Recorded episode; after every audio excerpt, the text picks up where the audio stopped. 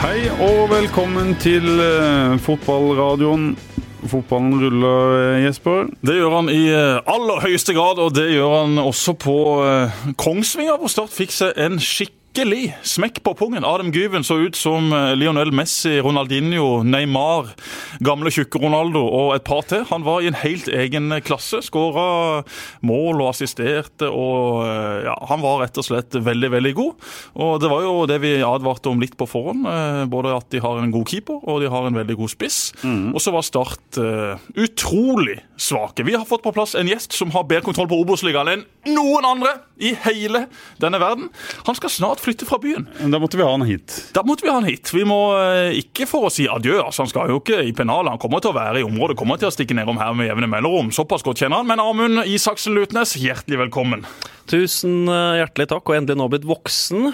Jeg og min kjære Iselin har nå kjøpt hus i Sandefjord. Ai, ai, ai. Så er Sandefjord altså som blir din nye base.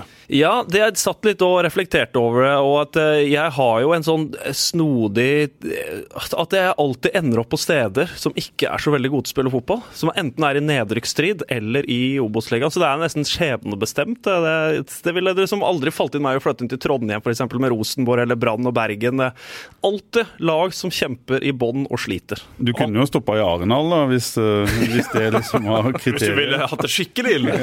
Nå er jo Arendal på gang. Ja. Nå har de Og det, ja, det er så altså. av, av og på hele tida. Tapte inn i helga. Men for de som ikke da vet hvem Amund er, det kan jo være at vi har fått noen lyttere de siste ukene. Amund har jo vært her tidligere, men han er da fotballkommentator for Eurosport. Eh, Du har også dine oppdrag for diverse radiokanaler når det er behov for det. Ja, du er som kameleon, du tilpasser deg veldig greit. Hele tida. Ja. Hele tida. Men du var kanskje ikke så overraska over det som skjedde på Kongsvinger. Jeg ble jo litt overraska. Jeg, jeg Jeg- tenker at Kongsvinger er ikke verdens beste fotballag. Det som overraska meg eh, egentlig der, det er jo det at Start klarer å falle seg så ekstremt ned etter pause. Det er liksom, skal det liksom være mulig? Og at ikke man klarer å passe på Adem Gyven, som har vært i norsk toppfotball nå i 100 år, og alle veit hva han er god for. Og nå er han skadefri for egentlig første gang på veldig lenge. Han har jo vært sånn haltende egentlig to-tre siste åra, så vidt Kongsvinger har fått han klar til kamper. Nå er han eh, nå er han rett og slett knallgod. og Som Jesper var inne på, så har de Ali Ahmada helt bakerst, han keeperen. og hvis noen som la merke til det, Når han sto og holdt ballen, så holdt han ikke med begge hender. Han sto bare og holdt ballen med én hånd. Sånn oppå ballen. Ja, Han bare holdt på ballen. Det er helt vilt å se på. Han er så utrolig svær, altså. Ja.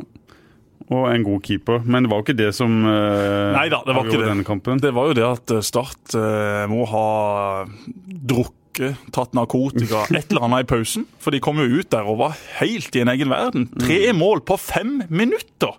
Ikke mot Real Madrid eller Barcelona, men mot Kongsvinger.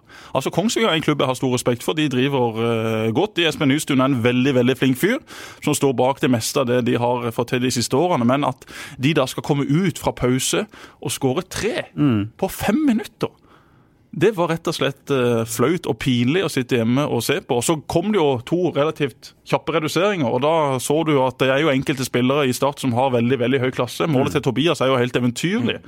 Det ble jo dessverre ikke det folk snakka om etter kampen, men hadde Start fått med seg poeng eller vunnet, så hadde jo selvfølgelig Tobias stått igjen som den store store helten, for det er jo en av de flotteste skåringene som er skåra i Start på, på veldig lang tid. Men vi snakka om det sist, at uh, når jeg ser tilbake på den kampen, så kan du ikke skylde på de offensive spillerne. Gjør egentlig jobben. Bringaker skårer, Sigurdasson er frisk, og Tobias uh, De skaper jo nok sjanser til å vinne kampen, men så er det det der med å slippe inn til så mye sjanser mot disse, disse lagene. Ja, og et par av de bak der ser jo rett og slett uh, utrolig passive og tafatte ut. Ikke bare i mm, situasjonene hvor det blir skåringer, men eh, også i en del andre situasjoner som blir veldig veldig farlige. De ser ikke ut til å være gode nok for dette nivået. og Nå snakker vi om uh, Obos-ligaen, vi snakker om Kongsvinger på Gjemselund. Det er ikke der ambisjonen til Start skal være. Så start med å uh, gjøre noen vurderinger etter denne her sesongen eller allerede i sommer og tenke at ok, hvis det er sånn nivå på de gutta som har tenkt å være med her, så må de kanskje prøve å endre enda mer.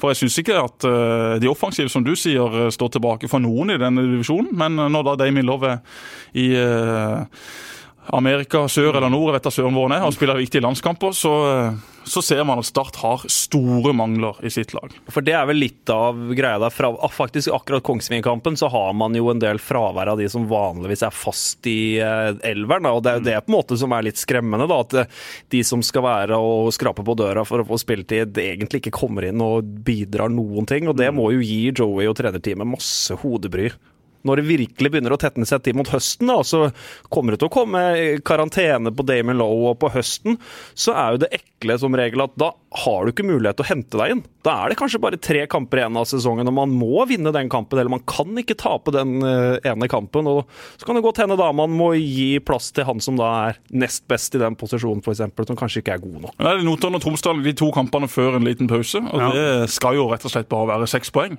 Hvis ikke Start får med seg seks poeng der, så vil det være en, en stor nedtur. Nå har Start allerede tapt såpass mange kamper denne sesongen at det skal ikke komme så veldig mange flere tap. Nei. Ålesund eh, de imponerte oss jo senest i går kveld da de bare rett og slett feide det beste laget i Eliteserien av banen. Det var en uh, ufattelig kamp å sitte og se på. De hadde riktignok litt tur med at uh, Ruben Gravelsen ble utvist da han uh, la ned en Ålesund-spiller som egentlig da var i klar offside. Men allikevel, Ålesund er fulle av selvtillit om dagen, og de styrer egentlig ganske greit mot et direkte opprykk. Og så er det da Sandefjord, som er opp mot uh, Start til syvende og sist, tror jeg. Sandefjord som spilte en lang kamp i går, tapte på straffer mot Odd. Men igjen så viser Sandefjord at på sitt beste så kan de spille jevnt med de beste lagene i Eliteserien. Hvem tror du går opp, Amund, du som har oversikt oversikten her. Ja, vi sa jo det i hele fjor, at uh, Ålesund skulle, skulle, gå opp. Jeg syns det ser mye mer solid ut uh, i uh, år. I fjor f.eks. så røk man ut i første runden mot Bergsøy. Nå har man kommet seg helt til fjerde runden og har imponert stort der. og De slipper jo nesten ikke inn mål, og de skårer akkurat nok mål, i hvert fall i serien. De vinner jo stort sett bare med ett mål i hver kamp, så Ålesund Jeg klarer liksom ikke å si noe annet enn Ålesund, det ville vært veldig rart. Og jeg vil også tro Ålesund til og med nå i sommer sommer sikkert kommer til å forsterke seg også, med tanke på at de skal inn i Eliteserien. Men en ting som kan klundre det veldig til oppe i Ålesund, er jo at trenerteamet er på utgående kontrakt der. Og Bohin, eh, for oss som følger ham på Twitter, vet at han kan være litt sånn løs kanon. Og han eh, kommer nok også til å ville snakke om dette når, jeg, når vi kommer på sommeren og ut mot høsten, hvis ikke han har fått fornya kontrakt der. Og, Men det kommer vel fort nå, Jesper, med de resultatene og denne ja, cupkampen mot eh, Molde? Kommer en ny kontrakt. Ja, jeg tenker jo det også, men så Jeg tenkte jo litt på denne Strømsgodsjobben som nå var ledig. Kanskje det kunne vært noe å hoppe på. Nå ser det ut til at det går til en danske, men uh, Lars Bohin uh, kommer til å tale sin sak eh, rundt det der. Altså. Så det, det, kan være kanskje det eneste lille sånn uromomentet. At han går et annet sted? Ja, jeg, jeg tror ikke det. Men hvis vi skal liksom plukke ut noe som kan ødelegge for, eh, for opprykket og pondusen her oppe, så kan det være det. Og så tror jeg det blir eh, Sandefjord Start. Så jeg ser det er for varierende, da. Mm. Men jeg har hele tida satt og tenkt at eh, fra og med nå på sommeren så kommer det til å komme inn to offensive spillere i start. Jakinemi og Ramsland, som jeg tror vil som jeg tror vil være komme inn og, og bedre laget. Det kan jo skje noe andre veien nå. Vi har jo skrevet om økonomi ja. den denne uka, og det er brukt mye penger. og en, eh, Et spillersalg eller to er vel eh, nærliggende, det òg? Ja, det kan fort være at uh, Start vil, og kanskje også er nødt til å selge en mm. eller to av sine spillere hvis det kommer bud som er av en viss størrelse. Men Martin Ramsland kommer til å forsterke dette startlaget. Mm. Kanskje ikke han starter alle kamper, men han vil være et veldig fint alternativ. Var god i store deler av kampen mot Brann i går. Selv om Sogndal tapte, så ser du at eh, Ramsland han har eh, såpass eh, trøkk i seg. Han har en litt annen måte å spille spiss på enn de alternativene Start har i dag, så han vil være en klar forsterkning. Akinyemi, når du har vært ute med så eh, lang skade, så mm. Vet du egentlig aldri hvor lang tid han trenger før han er tilbake i form. Vi vet jo ikke når han er tilbake heller. Hvor, uh... Det er jo litt uvisst da når han er tilbake, men at han kommer til å bidra i høstsesongen, får vi da virkelig håpe, håpe på da, at han kan uh, Det er jo maks uheldig òg. Da var det 20 minutter eller noe sånt ut i første serierunde, så får han en, uh, får han en stygg skade. og Det var det som skulle være krumtappen foran hos Start, da, som, mm. og Bringaker skulle spe på bakfra hvis Knemi var sliten og måtte byttes ut. Liksom. Så men både Start og Sandefjord har jo vist vist svakhetstegn. Altså, det er jo ikke bare Start som er ustabil. Sandefjord også har jo gått på Ja. noen smeller. De tapte plutselig 0-3 hjemme for Sogndal, hvor Sogndal da var det klart beste laget. Mm. Og Der også er det jo noen ting som rører seg, som kan være eh, litt problematisk i tida som kommer. Så eh, Sandefjord og Start de er på hver sin kant eh, ganske ustabile. Og så er det jo en del andre lag som har rota seg opp i toppen, men de tviler jeg veldig på å klare å holde Det koken hele veien inn. Sogndal, da, som, eh, Jo, men de tror som kan komme inn De i tvil. mange, de er mange poeng bak allerede, da. Ja, Men jeg for all tviler på del de klarer å ta igjen eh, både Sandefjord og Start. De eh, er ikke så gode. I sommer så mister de Olamen Olamund Sveen og Martin eh, Ramsland, så det blir en helvetes kabal å legge opp i Sogndal. Altså, I hvert fall hvis de skal opp og kjempe om direkte opprykk. Jeg tror de går nok kommer til å ende på en av kvalikplassene, men KFM Oslo kommer ikke til å holde helt inn. Og det gjør ikke Raufoss eh, heller. De kommer til å være kanskje oppe og kjempe opp kvalikplassene, men ikke direkte opprykk. Men så er jo da det kanskje det aller viktigste spørsmålet, som fortsatt er ubesvart i start. Hvem er det som skal være hovedtrener? Når er det vi får svar på det? Kommer det en kanin opp av hatten der nå som hentes fra, fra utlandet, f.eks.? Da er jo på en måte liksom hele den bøtteballetten i gang igjen, da, med en ny profilert trener. Jeg mener jo klinkende klart at de bare burde gå for Joey, for at det er det trygge valget. Det er Ja. trygt og godt. Ja, og kanskje ikke så veldig bra. Det kommer ikke til å komme én mann ekstra på Sør Arena i høst eh, hvis Joey blir eh, permanent trener, men det er i hvert fall kanskje det tryggeste nå som det på en måte er litt harmoni, da, hvis vi skal kalle det det. Ja, og så er det jo to viktige kamper før pausen. Skulle Start tape de to kampene, som vi snakket om i siste episode, så stiller jo situasjonen seg helt annerledes. Så eh, jeg tror nok Start har sånn halvveis bestemt seg for at det er Joey som skal være trener, men at de da kanskje venter med å kommunisere det til disse to kampene er spilt. Og skulle det mot formodning gå fullstendig galt, det tror jeg ingenting på, så kan det jo være at de da må trykke på en eller annen knapp og hente inn en annen kar. Men Godset fikk jo tak i en ny trener, sannsynligvis en danske, og han har jeg hørt veldig mye godt om. Et par dansker som har spilt eh, under han og som kjenner til eh, hans kvaliteter, sa at det der er et funn for Strømsgodset som klubb. Det er jo en klubb som er i dyp, dyp krise. Ble sendt ut av et par kristiansandere i går, og de også må vi gi ros. Henrik Ja. Byklum var eh, sentral da Fram Larvik utligna. Det var jo et selvmål fra Monir Hamoud, men innlegget som Hamoud satte inn i eget mål, det var et veldig godt slått innlegg fra Mr. Byklum. Og så var det da Åsestad, som bare gikk opp og så ut som eh, verdens beste straffetaker. Iskald.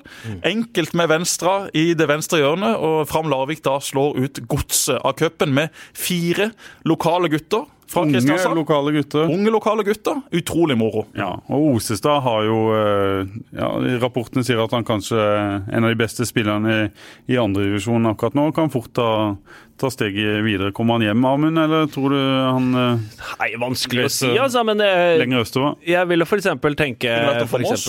Eksempel, Kunne vært noe for Moss, som er laget ditt. Å, herregud, ja, Moss trenger all hjelp de kan få i Post Nord i år. Altså, det skal holde hardt hvis man skal holde seg i, eh, i divisjonen. Og se, det er noen lag i den avdelinga der som har dettet litt da helt nederst, men eh, det kommer til å bli bikkjeslagsmål for, å- for Men å holde seg for Moss. I går så, blås, hva heter det? så blussa diskusjonen opp igjen, er det ikke det det heter? Jo. Ja. Om kvaliteten på Eliteserien. Er det Ja. for mange lag?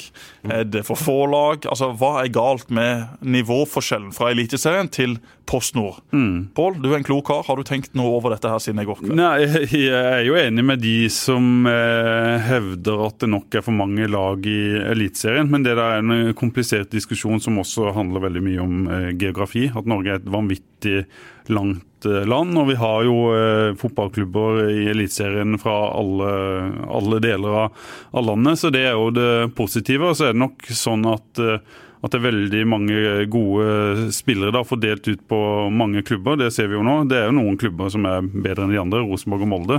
Men det hadde nok med ti lag eksempel, istedenfor 16 blitt en klar nivåheving av Eliteserien, der du hadde samla flere av de gode spillerne i de aller beste lagene, tror jeg. Og der den kanskje hadde fått en litt mer stabil eh, klubbøkonomi også.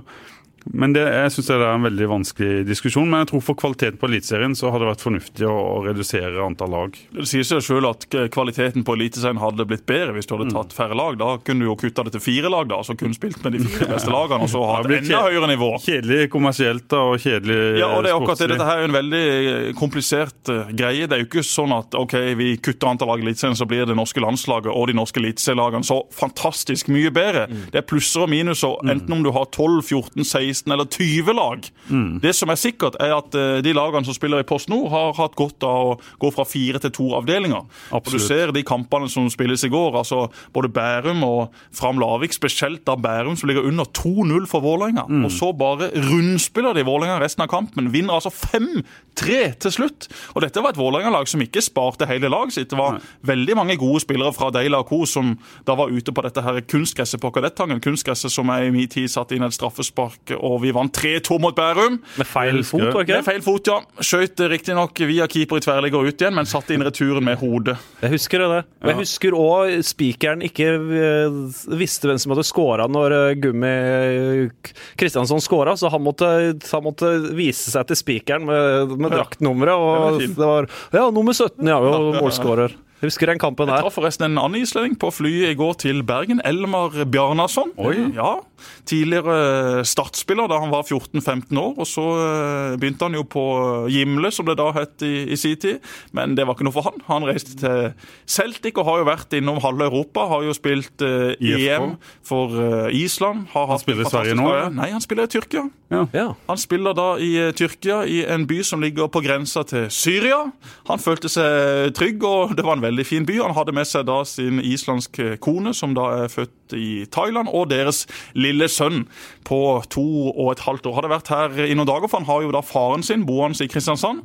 Han eh, sa at kroppen fungerte fint. En spiller som eh, jeg aldri har sett maken til på den alderen. Jeg var jo øh, god sjøl, men øh, den teknikken Elmar hadde, den løpskapasiteten han hadde, og en øh, skikkelig lovende spiller, en skikkelig god gutt Det Er han bare på han ferie? reiste. Ja, han var på ferie. Ja. Han var på ferie. Han skulle han til Island og så ned igjen til Tyrkia, hvor han da tjente sine euro. Har heldigvis lønna i euro, for den tyrkiske lira den har jo gått i bakken de siste årene. Men Bjarnason, jeg tviler på at det var han sjøl som kom fram til den tingen, men det var iallfall sånn at han fikk lønna si i euro. Så det var et hyggelig bekjentskap. Men vil du ha- Hyggelig bekjentskap. Hyggelig, hva sier du når du ser folk igjen? Hyggelig gjensyn, kanskje? Hyggelig gjensyn. Ja. Jøss, jeg roter, altså. Du, eh, eh, hva mener du da? Må en ned i antall eh, lag, eller bør en ned i antall lag?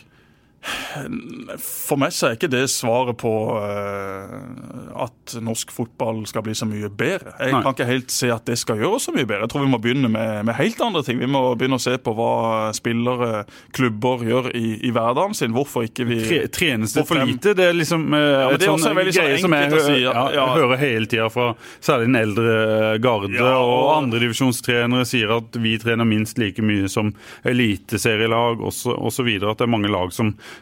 trener mye, da, at det er derfor nivået er Det er også jo en balansegang. Folk Ja. tror at de trener så himla mye mer i England, Tyskland, Spania. Men du kan ikke sammenligne med de, for de spiller jo 100 kamper gjennom Mm. en sesong. De norske lagene spiller halvparten, så de norske lagene trener jo på en helt annen måte i sesongoppkjøringa.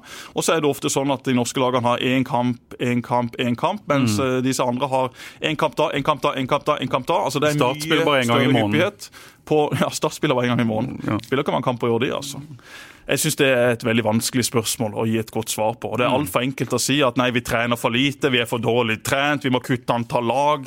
Det er ikke det det handler om. Det er mye mer sammensatt enn som så. Og jeg må være ærlig og si at jeg har ikke noe svar på dette her. Jeg håper det er noen i Norge som har det, og at de da sitter i disse stillingene som faktisk skal gjøre oss bedre til å spille fotball. Og så er det klubbene til syvende og sist som bestemmer. Det er kommet et forslag fra Erik Soler og, og Norsk eh, Toppfotball som er eh, interesseorganisasjonen til klubbene. Så må jo da klubbene bestemme seg, og så har det jo vært sånn at de beste klubbene ofte er for å, å kutte antall lag, men så har vi jo da i Eliteserien Ranheim og Mjøndalen og disse lagene som, som er i Eliteserien i, i ny og ne, og som setter, de spriter jo opp eh, Eliteserien, disse lagene, Amund. Ja, men så er det jo det der for å Og Start, ikke minst. Ja, men For å bli god fotballspiller så handler det ikke om å møte opp på den treninga daglig klokka ti og fram til ca. klokka tolv. Det er jo ikke der du blir god fotballspiller. Det er jo utafor det her med terpinga og alt mulig sånn. Martin Ødegaard er jo ikke noe produkt av landslagsskolen i Norge. Det er fordi han har trent ekstremt mye med faren sin på egen hånd.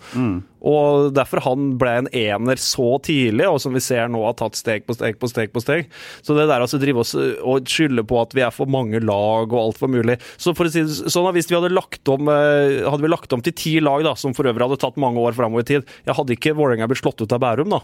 Fordi vi hadde lagt om til ti lag, liksom. Hadde Vålerenga blitt det et så fryktelig mye bedre lag eh, enn eh, Nei, det der er en eh, diskusjon som jeg syns er ikke håpløs. Det, det syns jeg ikke. Jeg syns det er gøy å diskutere og høre på litt forskjellige synspunkt. Men jeg, jeg har ikke hørt noen synspunkt eller en fasit på dette her ennå som jeg tenker jøss, det der var faktisk noen veldig gode tanker. Det er fordeler og ulemper ved antall lag, ved Og både seriesystemet i Danmark og Belgia, som en, en sammenligner seg med, og også Nederland, får jo massiv kritikk i, i de eh, landene. For det, det, Vi må iallfall holde det enkelt. Ja. Altså Det kan ikke, Ikke være sånn at vi skal ha sluttspill og tabellen deles i to, og så deles den i tre, og så sendes alle land, lag som er sør for det punktet, opp til nord. og det, altså Bare surr. Sånn som Hva- i Danmark nå. Fordel å komme på niendeplass istedenfor åttendeplass, var det ikke det? Det må ikke være sånn. Det må Nei. være enkelt og greit for Ja. oss her i Norge. altså. Vi må ikke gjøre det mer komplisert enn det det allerede er. Nå har det norske folk fått Nations League tredd over huet. Vi kan ikke gi dem mer å tenke på nå.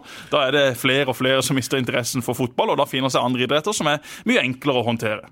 Vi må litt tilbake til dette med, med spillersalg. Vi hadde jo en liste over spillere som, som kan være attraktive for andre klubber som kan bli solgt. Tobias Christensen og Demil Law har jo vært inne på som kanskje de to som, eh, som er mest attraktive, eller som en kan få litt eh, penger for. Men så har vi en mann på lista der, Jesper, som du kjenner godt, som heter Kristoffer Ayer. Er det en mulighet for at Start kan eh, motta noen penger der allerede nå? Ja, det er nok en mulighet, men han har jo en lang kontrakt i Celtic, og Celtic verdsetter han veldig høyt. Skal noen eh, klubber fra f.eks. Premier League kjøpe han, så tror jeg overgangsrekorden i Norge kommer til å ryke. Den er vel nå på 170 millioner, noe sånt, rundt mm. der, med, med Moi. Hvis Ayer nå skal bli solgt til en eh, stor klubb Han stopper, da. han er stopper, men stopper de koster også de. Og Spesielt når du da skal kjøpe de fra en klubb som Celtic. Altså Celtic har vel fem millioner for eh, Ayer. Det har uansett vært en rimelig god investering for de, men han har en lang kontrakt, han er nøkkelspiller hos de. Skal de hente inn en stopper for å erstatte han, så må de betale mye penger. Og de engelske klubbene ser også ofte til Celtic, for der vet de at OK, de har håndtert å spille fotball i Glasgow, og da kommer de også til å håndtere å spille fotball i Premier League når vi snakker om press og trøkk fra omgivelser, en- media, supportere. Og så har han en vanvittig god statistikkserie som mange eh, skotske medier har, har hengt seg opp i. Han vinner flest eh, dueller i hele ligaen, hodedueller. og så er han faktisk spilleren med flest driblinger også i, i eh, hele ligaen. Det er jo enklere for en stopper å, å drible, men han tar ballen med seg fremover. og Derfor kommer han også høyt på den statistikken. Og så så de, de The Harrell kåra de beste midtstopperne i skotsk eliteserie, og der er Ayer nummer én på den eh, lista. Ja, han ble også plukka ut på årets lag av spillerne i den skotske ligaen. Så den sesongen han leverte i år, er selvfølgelig eh, en sesong som eh, gjør at eh, klubber eh, både i England og Tyskland og flere andre store ligaer får opp øynene for han. Men Men er det sånn at hvis det begynner å rulle en eh, snøball, og, og stoppere flyttes mellom eh, klubber her, så, så plutselig kommer hans eh, navn inn. Maguire til en storklubb, Rogers i, i Leicester. så var det United vil betale for Maguire. ja. Eh, Så det er jo helt latterlige summer. Og det er det hvis det først blir en liten kamp, engelsk da. stopper, som riktignok er god, han altså. Mellom 800 millioner og en milliard, ja, kanskje. men han har liksom ikke ti år igjen på det nivået. han. Nei. Ayer uh, har eh, mange år igjen på dette nivået. Han har fortsatt veldig mye å lære som midtstopper, men han eh, tar steg for hver eneste dag som går.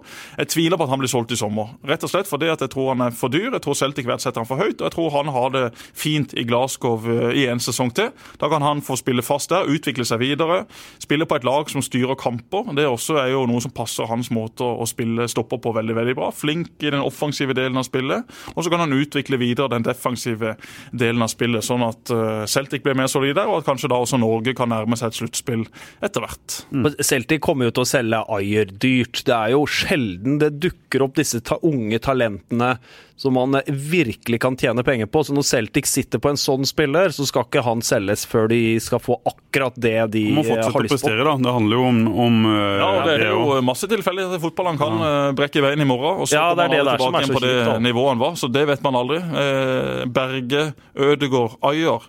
Mm. Tre utrolig spennende spillere fra Norge som kommer til å prege det norske landslaget i eh, Så vi hiver på år. Braut Haaland nå, da? Vi kan hive på uh, Braut Haaland også, det kan vi gjerne gjøre, men han er ikke helt der ennå. For han har til gode å vise det på det øverste nivået når vi snakker om seniorfotball. Han Han skal vel spille nå i, i Salzburg? Han ble jo toppskårer i VM, jo. Ja. Ja da, han var det. Han var det. Han var det. Og det var, eh, det var en eh, Tenk deg, de historie, tallene, ja, men de tallene der kommer til å stå der til evig tid. Ja, ja. Ja, ja, fikk- Du kan se oppover. bak Jeg tallet. fikk Det er absolutt lov, å se. Det er absolutt lov å se Jeg fikk veldig på pukkelen av flere, både internt og eksternt, rundt eh, mine mistanker om eh, kampfiksing. Og Fifa har jo da etterforska saken og fant eh, ikke fram til noe bevis. Og det var jo ufattelig overraskende at ikke Fifa sjøl klarte å finne bevis på dette her. Med all respekt for de som jobber med dette i Fifa og NFF, så har ikke de peiling på hva slags markeder disse her spillene spillerne kan settes på, hvor store spillerne kan være, og hvem som da kan eh, sette de. Det er så ufattelig vanskelig å finne noe bevis på dette. Markedene i den type kamper er så ufattelig store at eh, det er egentlig umulig å finne bevis hvis du har med profesjonelle aktører å gjøre. En ting disse her amatørene som fiksa Follo Asker, som drev og spilte på Norsk Tipping. Jeg kunne i teorien ha fiksa et par kamper hver eneste sesong i Eliteserien og Obos-ligaen da jeg spilte, uten at jeg noensinne kunne blitt oppdaga. For Det er noen så dårlig snakke, kontroll har forbundet og de Men som du kan kontrollere disse var det, typer var det spillerne. frist- dette. fristende, Jesper? Nei, selvfølgelig var det ikke det. Det var det ikke. Jeg var glad i å spille, og øh, har jo selvfølgelig også da spilt på mitt eget lag i en del kamper opp igjennom, spesielt da vi Mm. Men det var, plutselig stilte det var sterke lag med Statoil. lov før? Ja, det var vel sånn at de ikke kunne spille på egne kamper, men eh, samtidig så var det litt sånn ullent regelverk, og det var jo vel helst at ikke man skulle spille mot eget lag. og Det forstår jeg jo veldig, veldig godt, men eh, mitt poeng er bare at eh, jeg tror det foregår langt mer ting enn det man faktisk tror. Jeg tror det foregår ting ute i Europa. Jeg tror ikke det foregår så veldig mye i Norge, for jeg har vært såpass håper jeg, langt inn i dette miljøet og har vært der i så lang tid, og jeg har med hånda på hjertet aldri hørt om en eh, fiksa kamp i norsk fotball. Og du har aldri blitt tilbudt noe heller? Aldri blitt tilbudt noe Ja. som helst. Og jeg tenker jo som så at Hvis det var noen i Norge da som drev med dette, så hadde de tatt en telefon til meg for å høre du Jesper, hvem kan vi snakke med? Men jeg har ikke hørt noe som helst, og det tar jeg faktisk eh, veldig positivt. Ja. For da er det ikke veldig mye som foregår i Norge. For da hadde jeg fått vite om det på en eller annen måte. Vi må snakke om én ting til eh, når det gjelder Bergen eh, spillersalg. Eh, Da de nye investorene kom inn i Start, så gikk Robin Reed, og jeg tror også Langeland har sagt det, ut og, og sa at når Start solgte Mathias Rasmussen til Nordsjælland, så ble de forbanna. Hvis de nå selger Tobias Christensen, Amund Han er akkurat like gammel som eh, Mathias Rasmussen var da han ble, ble solgt. Og han har ennå ikke slått gjennom på det øverste nivået. Er det en eh, fallitt hvis de selger et, et talent eh, som, eh, som ennå ikke har slått igjennom? Det er største stjerna til eh, Start. Han er nok grunnen til at eh, ganske mange, eller ikke i hvert fall noen, syns det er spennende med Start. Det er en lokal unggutt her som både har snakketøyet og føttene i, eh, i orden, og det ville vært et knivstikk i hjertet til veldig mange av supporterne. Altså, hvis man skulle selge Tobias Christensen til en sånn halvgod pris, f.eks. nå i sommer til Belgia, eller nå, hvor det skal være, så ja, Det en får jeg annen norsk virkelig ikke håpe. kanskje mest nærliggende å tro. Hvor lang kontrakt Ja. har han? Ja, det er jo det, da. Sommeren 2020. Dette er jo mange me mekanismer som, eh, som slår inn. Han har vel kontrakt eh, til neste sommer eller ut eh, neste år. Så hvis de skal ha penger for han, hvis Tobias er klar på at han vil reise, og hvis Start vil ha penger for han, så må de jo selge han eh, nå, da. Ja, og det er jo hele tida det du må sitte og tenke på som eh, klubbleder, eh, som sportsdirektør eller som eh, regnskapsfører for en eh, klubb som Start. Nå er jo økonomien som den er. Start har brukt eh, enorme summer på å komme dit man eh, er nå. Og så kan man jo diskutere hvor langt man da egentlig har kommet. Men Tobias Christensen, hvis han skulle selges nå, som du sier, Pål, det ville jo være egentlig akkurat det samme som da Start solgte Mathias Rasmussen, eller var tvunget til å solge Kristoffer Ayer. Mm. Fordi at eh, da var det folk som eh, var unge, ambisiøse, ville bort. Start eh, satt i en veldig vanskelig situasjon. De visste at her er det kontrakter som går ut, vi får ikke fornya med det. Hvis vi skal få penger for dem, så må vi selge dem nå. Hvis ikke så kommer de til å være her, og så kommer de til å være litt misfornøyde og kanskje ikke på det nivået vi håper. Og så går de gratis, og så får spilleren sjøl enda mer penger, men da får ikke klubben noe som helst. Tobias er jo Vi får utdanningskompensasjon, så hvis de går til Det De vil ikke være i nærheten Ja, av men det er jo de faktisk gode penger for en norsk klubb hvis han går til en OK europeisk liga. Ja. Hvis han går i, i Norge, så er det jo mindre penger. Det er jo en Men det vil sannsynligvis være mulig å få langt mer for han hvis du klarer å selge han. Ja. Da får du flere klubber til å kjempe om den signaturen, og så kan Men da må han selges i sommer. Ja. Men jeg tror jo for Tobias sin del så er jo det hele tida også en vurdering for han. Skal han eh, gå til utlandet nå, eh, og så kanskje sitte på benken eller tribunen, slite med å komme seg inn i et lag? Er han i start, så vet han at her har han en nøkkelrolle. Han har fortsatt mye å jobbe med når det gjelder stabilitet, og ingen er i tvil om at han kan være fantastisk på sitt beste, men han har også sine dager og kamper og uker og perioder som ikke er all verdens. Så for Tobias sin del så tror jeg det er en fin arena å være i Start nå, men eh, ting kan selvfølgelig forandre seg. Skal ikke Start nå rykke opp denne sesongen? Så er jo på mange måter uh, Tobias nødt til å ta et steg videre for å fortsette sin utvikling.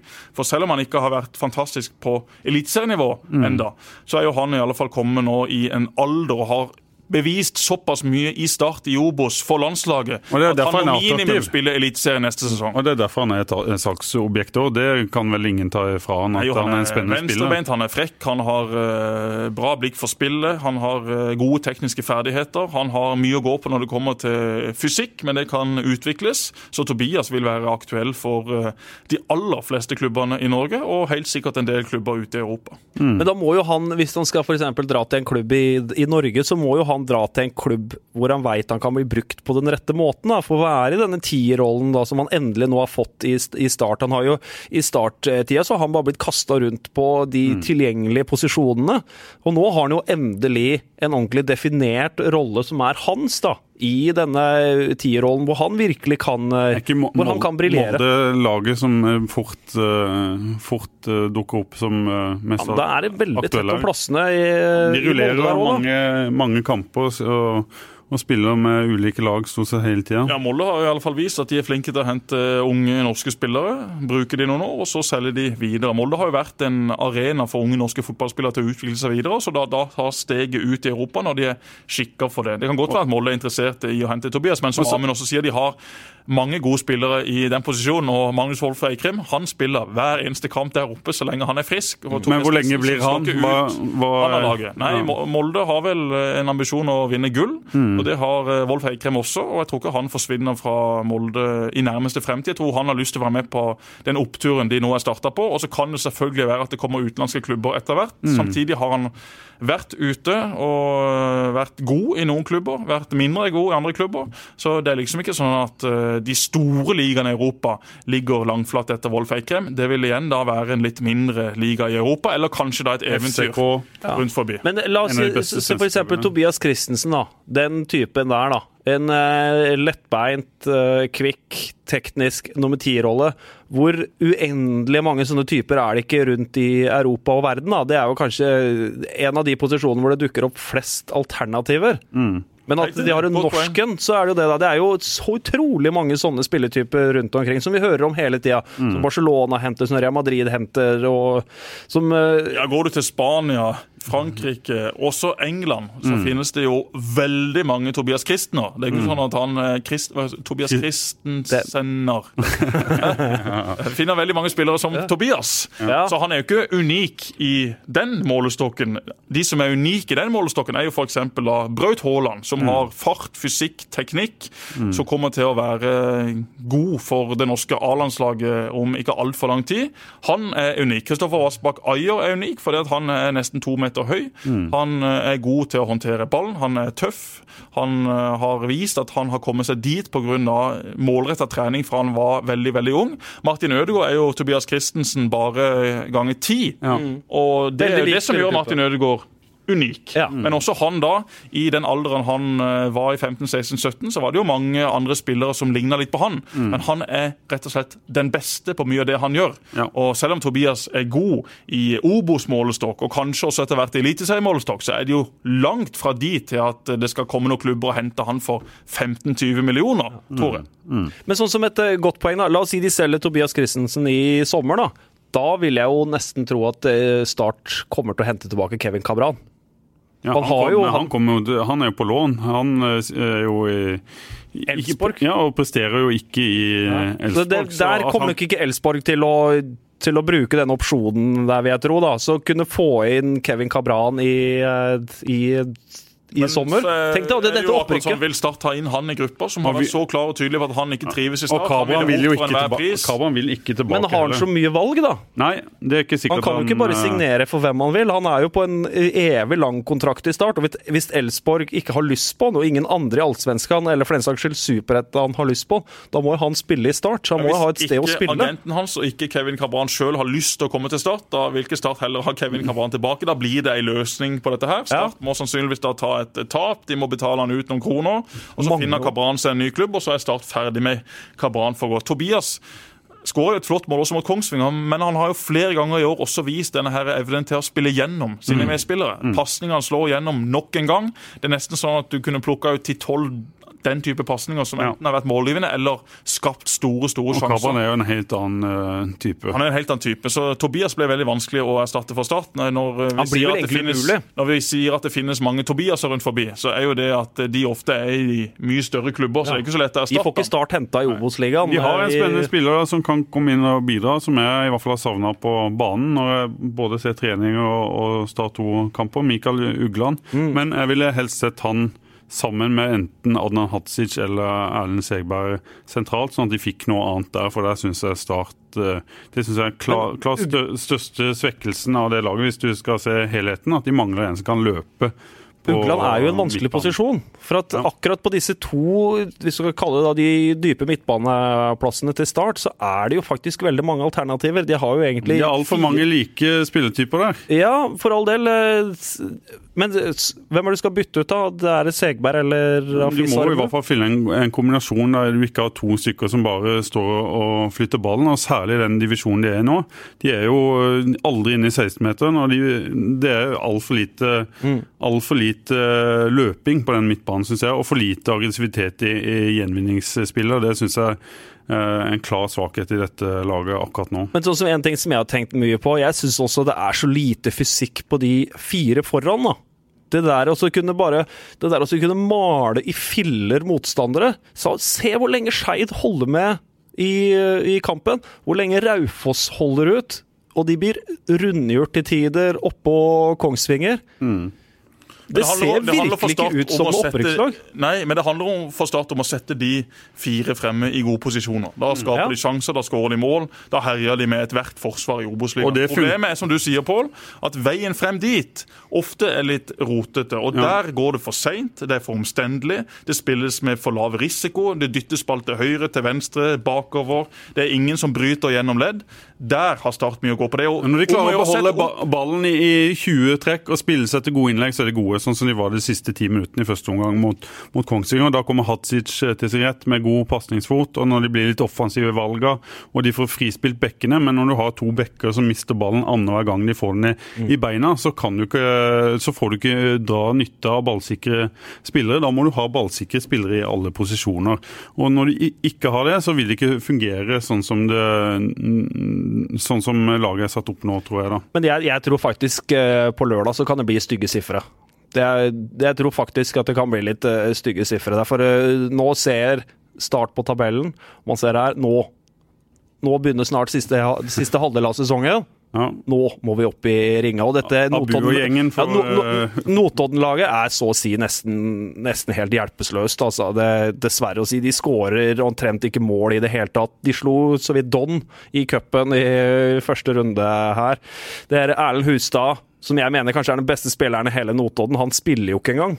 Han sitter på benken. Erik Midtgarden har bare så vidt kommet inn litt i, Hustad skal til Brann i sommer, eller? Han skal til Brann i, eh, i sommer fra 1. august. Så får vi se da om det eventuelt blir et utlån igjen med en gang. Da. Det virker kanskje som det mest sannsynlige der, men Hvis eh, han ikke spiller i Notodden, så høres det jo vanskelig ut. ja, nå har han ikke vært litt sånn uh, småskada og sånn. Har vært veldig eh, inn og ut av Abu, da, laget. som uh... Abu kommer jo til å ha en strålende kamp. Det er jo Ja. typisk. Og Abu er jo faktisk vanskelig å håndtere, han. Han har vist på trening Han er småekkel, Da vet møtte jo. HamKam i cupen i fjor. Da var jo Abu eh, HamKams klart Dette er den beste kampen han noensinne har spilt i, i, i Norge, tror jeg. At, at ikke Start røk ut mot HamKam i cupen i fjor, er nesten helt vilt. For det der var en helt snodig kamp. Ja. Start røk for. Fram Lavik i første runde i år. Jeg må bare korrigere meg sjøl for de som da har sett på nyhetskanalen, for da sa jeg at eh, Fram Lavik slo ut Start i andre runde. Men var Det var første runde. Det var første runde, og det var første gang Jeg sa først første runde, men så korrigerte jeg meg sjøl til andre runde. For jeg tenkte, De må jo ha møtt et lag før det, men det var jo Fram Lavik i første. Alle som har Ja, de sett var det på faktisk- Nyhetskanalen de Ja, Alle de 4500 menneskene i Norges land. Det er ikke så veldig høye seertall på nyhetskanalen på morgenen. altså. Men eh, jeg bare kom på det i stad. Jeg tvilte litt på var det riktig, og det var det da selvfølgelig ikke. Sa feil. Start var jo faktisk uheldig, da, som trakk et eh, i anførselen, en såpass godt lag som et, eh, som et bra Post Nord-lag i første runde. Som regel så har man jo dratt til Høllen eller eh, opp på Flekkerøya eller til Det var en god gjeng, altså. Ja. Hæ? Ble det Bjørn bråk. Ja. Det ble bråk. Ja, det ble bråk. Ja, de var så sinna på meg òg der. Var det det? Ja. Hvorfor det? Nei, det var vel eh, det var et eller annet med Tripic eh, og, og noe bråk. Jeg husker ikke den saken. Ole Geir Sørensen husker den. Å, ja, ok. Han spilte på Høllen i den eh, Ja, jeg kampen. Og jeg var inne i garderoben der og så gjorde jeg noen intervjuer, og så var det en vinkling på en sak som de var, oh. var misfornøyd med. Jeg husker, jeg husker ikke hva det var. Å, ja. Jeg hadde iallfall et veddemål i den kampen at hvis Høllen slo ut Start, så skulle jeg sitte på Høllen brygge og selge is Ja. i et par uker. Du har gjort noen sånne veddemål på Ja. cupkamper. Men var nå jeg sikker på seier. Ja. Den eh, gangen jeg var nær å ryke, var jo da Don leda 2-0 mot Start på Kristiansand stadion. Alexander Lind herja med Start. Og så skåra heldigvis Christian Tveit like før pause. Jeg var jo spiker på den kampen og hadde jo sagt at jeg skulle male Ola Hægeland, altså far til Rune Hægeland, hvor da også Rune bor i Så du maler overetasjen. Ikke han. Eh, han er noen kvadrat, han òg, men eh, dette her var huset til eh, Ola Hægeland. Og de skulle male tre strøk. Og det er et relativt stort hus på Lund. altså Det er nok eh, 250-60-70 kvadrat i tre etasjer, så det hadde tatt litt tid. Jeg måtte nok leid inn litt hjelp, men eh, da var jeg litt sånn eh, Ja, ikke, ikke like høy i hatten som jeg alltid er. Og jeg vedda jo også med Benjamin Bojar. Jeg skulle male huset mitt eh, brunt hvis Vigør slo ut Start av cupen, og han var så tøff i kjeften og sa jeg skal male mitt hus gult. Benjamin Bojar hadde ikke noe hus, så det ble ikke noe maling. Det var far Bojar som eh, eide huset, og han godtok ikke at det skulle males. Benjamin har forresten vært god for Jerv i det siste borte Grimstad, ikke det? Ja, Jo. det syns jeg også er eh, litt interessant greie, for der har det jo, så vidt jeg har forstått, vært en ekstremt tight keeperkamp da, mellom Øvre Tveit og Bojar. Så var Øvre Tveit ute med kyssesyken. Det var han som ble valgt til førstekeeper fra sesongstart. Og så har Bojar kommet inn, og jeg syns faktisk han har utvikla seg veldig. Det der, han er jo Trygghet i, i spillet sitt. ja, jeg ser han er ute og fanger baller med pondus i forhold til det noe annet vi så i uh, Eliteserien i fjor med han, hvor han uh, var usedvanlig uheldig i start og fikk en utrolig en utrolig kjip start på Han trenger ikke sparke ut, ser jeg. Han driver og kaster sånn 60-70 meter. Helt vanvittig Ja, altså, kast. han, er, han er trygg, da. Det er på en måte som har vært det, det er litt sånn skumle med Bojar. Det er når ballen kommer, kommer inn i feltet og hva som kan skje. Og han syns jeg faktisk har eh, virkelig tatt opp hansken og plassert Mm. Øretveit på, på benken. Og Jerv er jo på en måte Ja, bokstavelig talt. Og nydelig gutt. altså Benjamin er en utrolig morsom kar, og han må jo være i nærheten av verdens sterkeste mann. Vi må ha han hit, må vi ikke det? Jo, jeg føler det, altså. Ja. Jeg skal ta og invitere han. Gjør det. Nå er det jo høysesong for han, da. Det må sies. Det er ikke sikkert han har tid, for nå skal han jo ned på Bystranda etter trening og spille litt volleyball og flekse litt muskler. ikke sant? Han er jo i sitt ess der nede. Gå rundt, slå av noen halvdårlige vitser, ta et par halvdårlige server, opp i blokka der han for så vidt god, og så da rundt og snakke med venner og kjente. En hedersmann. Amund, vi nærmer oss eh, slutten. Du skal, du skal reise. Du har fulgt eh, starten av ganske tett, fra både innsida eller som journalist og, og fra utsida. Hva, hva skjer med Start? Eh, Hva, hva tenker du om klubben og situasjonen er i? ja, det, nå har jeg bodd her i ti år. På de ti åra så har det skjedd eh, utrolig mye. Jeg kom jo hit, og da var Start faktisk en greit etablert eliteserieklubb under eh, Knut Hørum. Jeg kan minst huske rundt eh, 2009 eller noe sånt. Start vant annenhver kamp. Var noe sånn rundt der. Som Kom på åttendeplass. Ja, ikke sant? At eh, man var en eh, stabil klubb, og så reiser jeg herfra nå, og så kan det godt hende at de ikke skal rykke opp fra Obos-legaen, Så det har jo skjedd ganske mye i løpet av de ti åra. Jeg har vært med på så mange ja, Det har skjedd veldig mye sånn sett. da. Jeg har vært med på mange Er ikke det opprykk klubben og har skjedd mer nedrykk. rundt enn i Start? Og Jøss, for et sirkus! Og kanskje det, det aller mest absurde minnet var nok i eh, den eh, bikkjekalde høstkvelden da man akkurat slo Jerv, og man spiller We Are The Champions inne i eh, garderoben, og Bård Borgersen og hele gjengen var veldig, veldig fornøyd med seg sjøl, nå har vi klart det. Nå har vi endelig klart det. Nå er vi best i verden. Nå har vi akkurat slått Jerv og skal, være i, eh, og skal fortsatt være i eh, Eliteserien. Så, det er jo, så som journalist så er det jo et eh, så er, det jo, så er jo Start en gavepakke å følge, for det er aldri kjedelig. Det er aldri noen sånne midt imellom-kamper, og nå er det fire kamper igjen av sesongen. Ja, nå er det ikke, noe, er det ikke noen interessante journalistiske poenger. Da smeller det. Da er det et eller annet som smeller. hvis det Ja, hvis det eventuelt skulle vært tilfellet. Altså bare, tenker bare sånn som også det, Et av de mest absurde minnene var jo også før første serierunde her. Så kommer det ut personalsak mot hovedtreneren til Start. Det er jo helt vilt. så- Sånn som du ser fra utsida. Sånn som vi, alle vi tre fikk garantert veldig mange meldinger. Hva er det som skjer her nede nå? Det er helt vilt! Og så sitter vi her nede og bare sånn Det her er ikke så spesielt for oss, for sånn her er det hele tida. Vi er vant til at det skjer noe kontinuerlig hele tida. Men hva skal klubben gjøre, da? Hva ville, hva ville vært et drømmescenario for deg når det gjelder den eh, klubben? Nei, Start skal jo etter eh, historisk sett og sånn da være en, eh, en femte- til åttendeplassklubb i Eliteserien. Det er jo det som på en måte liksom skal være Start. Og kanskje være oppe og kjempe litt grann om europacupplasser. Man har den desidert flotteste arenaen i hele Norge, syns jeg, og den beste arenaen å jobbe på. Jeg har jobba på stort sett de fleste. Så alt ligger jo egentlig til rette. Så kom disse investorene inn med alle pengene og tenkte nå skal det ordne seg, men så ordner det seg ikke da heller. Så Start er umulig å bli kloke på. Du veit aldri hvor man egentlig skal plassere det. Og man snakker om dette, dette potensialet i byen og sånn. Det, det har jeg hørt snakk om nå i ti år. Hva er det for noe, da? At nå kommer det endelig gode, store talenter som skal slå igjennom. Ja, Men hva er det for noe? Snakke om dette potensialet? Du må bli her i ti år til. Mye potensial her nå, Amund. Altså. Mye potensial her nå. Ja. Altså, det, er liksom, det, er veldig, det er en veldig frustrerende klubb å forholde seg til. Og jeg, jeg Du er kommer til å være her nede i området litt fremover også. Ja, ja, kommenterer ja. jo masse kamper, eh, også sammen med Roger Risholt, som holder til i Arendal. Ja, jeg og Roger skal jo ha kamp på lørdag sammen. Da kommer Roger endelig til byen. Når han er lei av å tape fotballkamper med Arendal, så skal han få lov å være sammen med meg, eh, meg isteden. Så jeg kommer jo til å eh, dra ned hit ja, og kommentere. Jeg har jo fortsatt mange venner her, og det er jo ikke så langt ned. Det er to og en halv time i, eh, i bil hvis du er heldig gjennom Telemark. Heldig gjennom Telemark. Ja. Ja, Vi får satse på bedre tider. Ja, Vi får satse på bedre tider. nå må vi ut av studio, må Ja, vi ikke det? vi, vi må det. For nå er det tid for noe politiske greier. Ja, Om det er debatt eller gjennomgang. Vi kunne tatt den, Jeg ser det ligger noen notater her. og Det er da integreringspolitikk som står på agendaen i dag. Gammel ensom slash utbygging for eldre.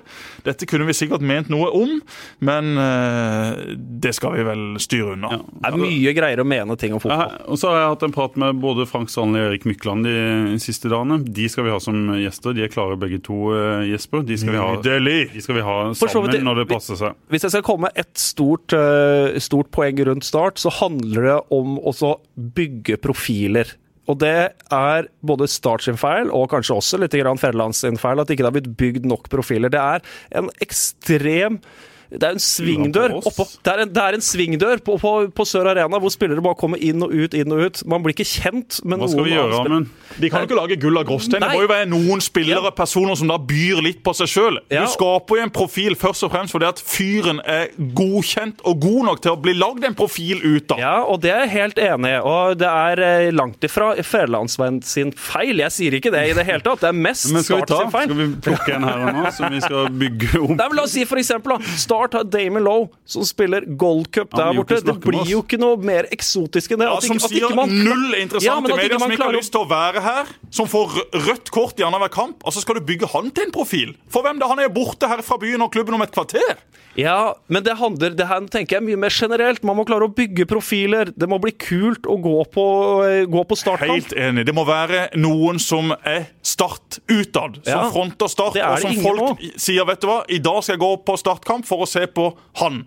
Tobias Christensen kan bli det, Ja. men hvis han da vil bort fra klubben, så blir ikke han heller det. Da må vi håpe at etter hvert kommer noen, enten utenfra eller innifra, som har tenkt å være her i mange år, og som da blir den profilen, eller de profilene Stad trenger. For jeg er helt enig med det. Nå er det altfor få store bøtt. profiler på Sørlandet. Og det er Paul W. Jørgensen sin feil. Enig 100 Enig. Kom ned på jobb, skriv nå ledere, kommentarer, få hylla den ene etter den andre. Jeg foreslår vi begynner å bygge Rune Hegeland! Der har vi profil. Der har vi profil. Der har vi profil. Takk for i dag.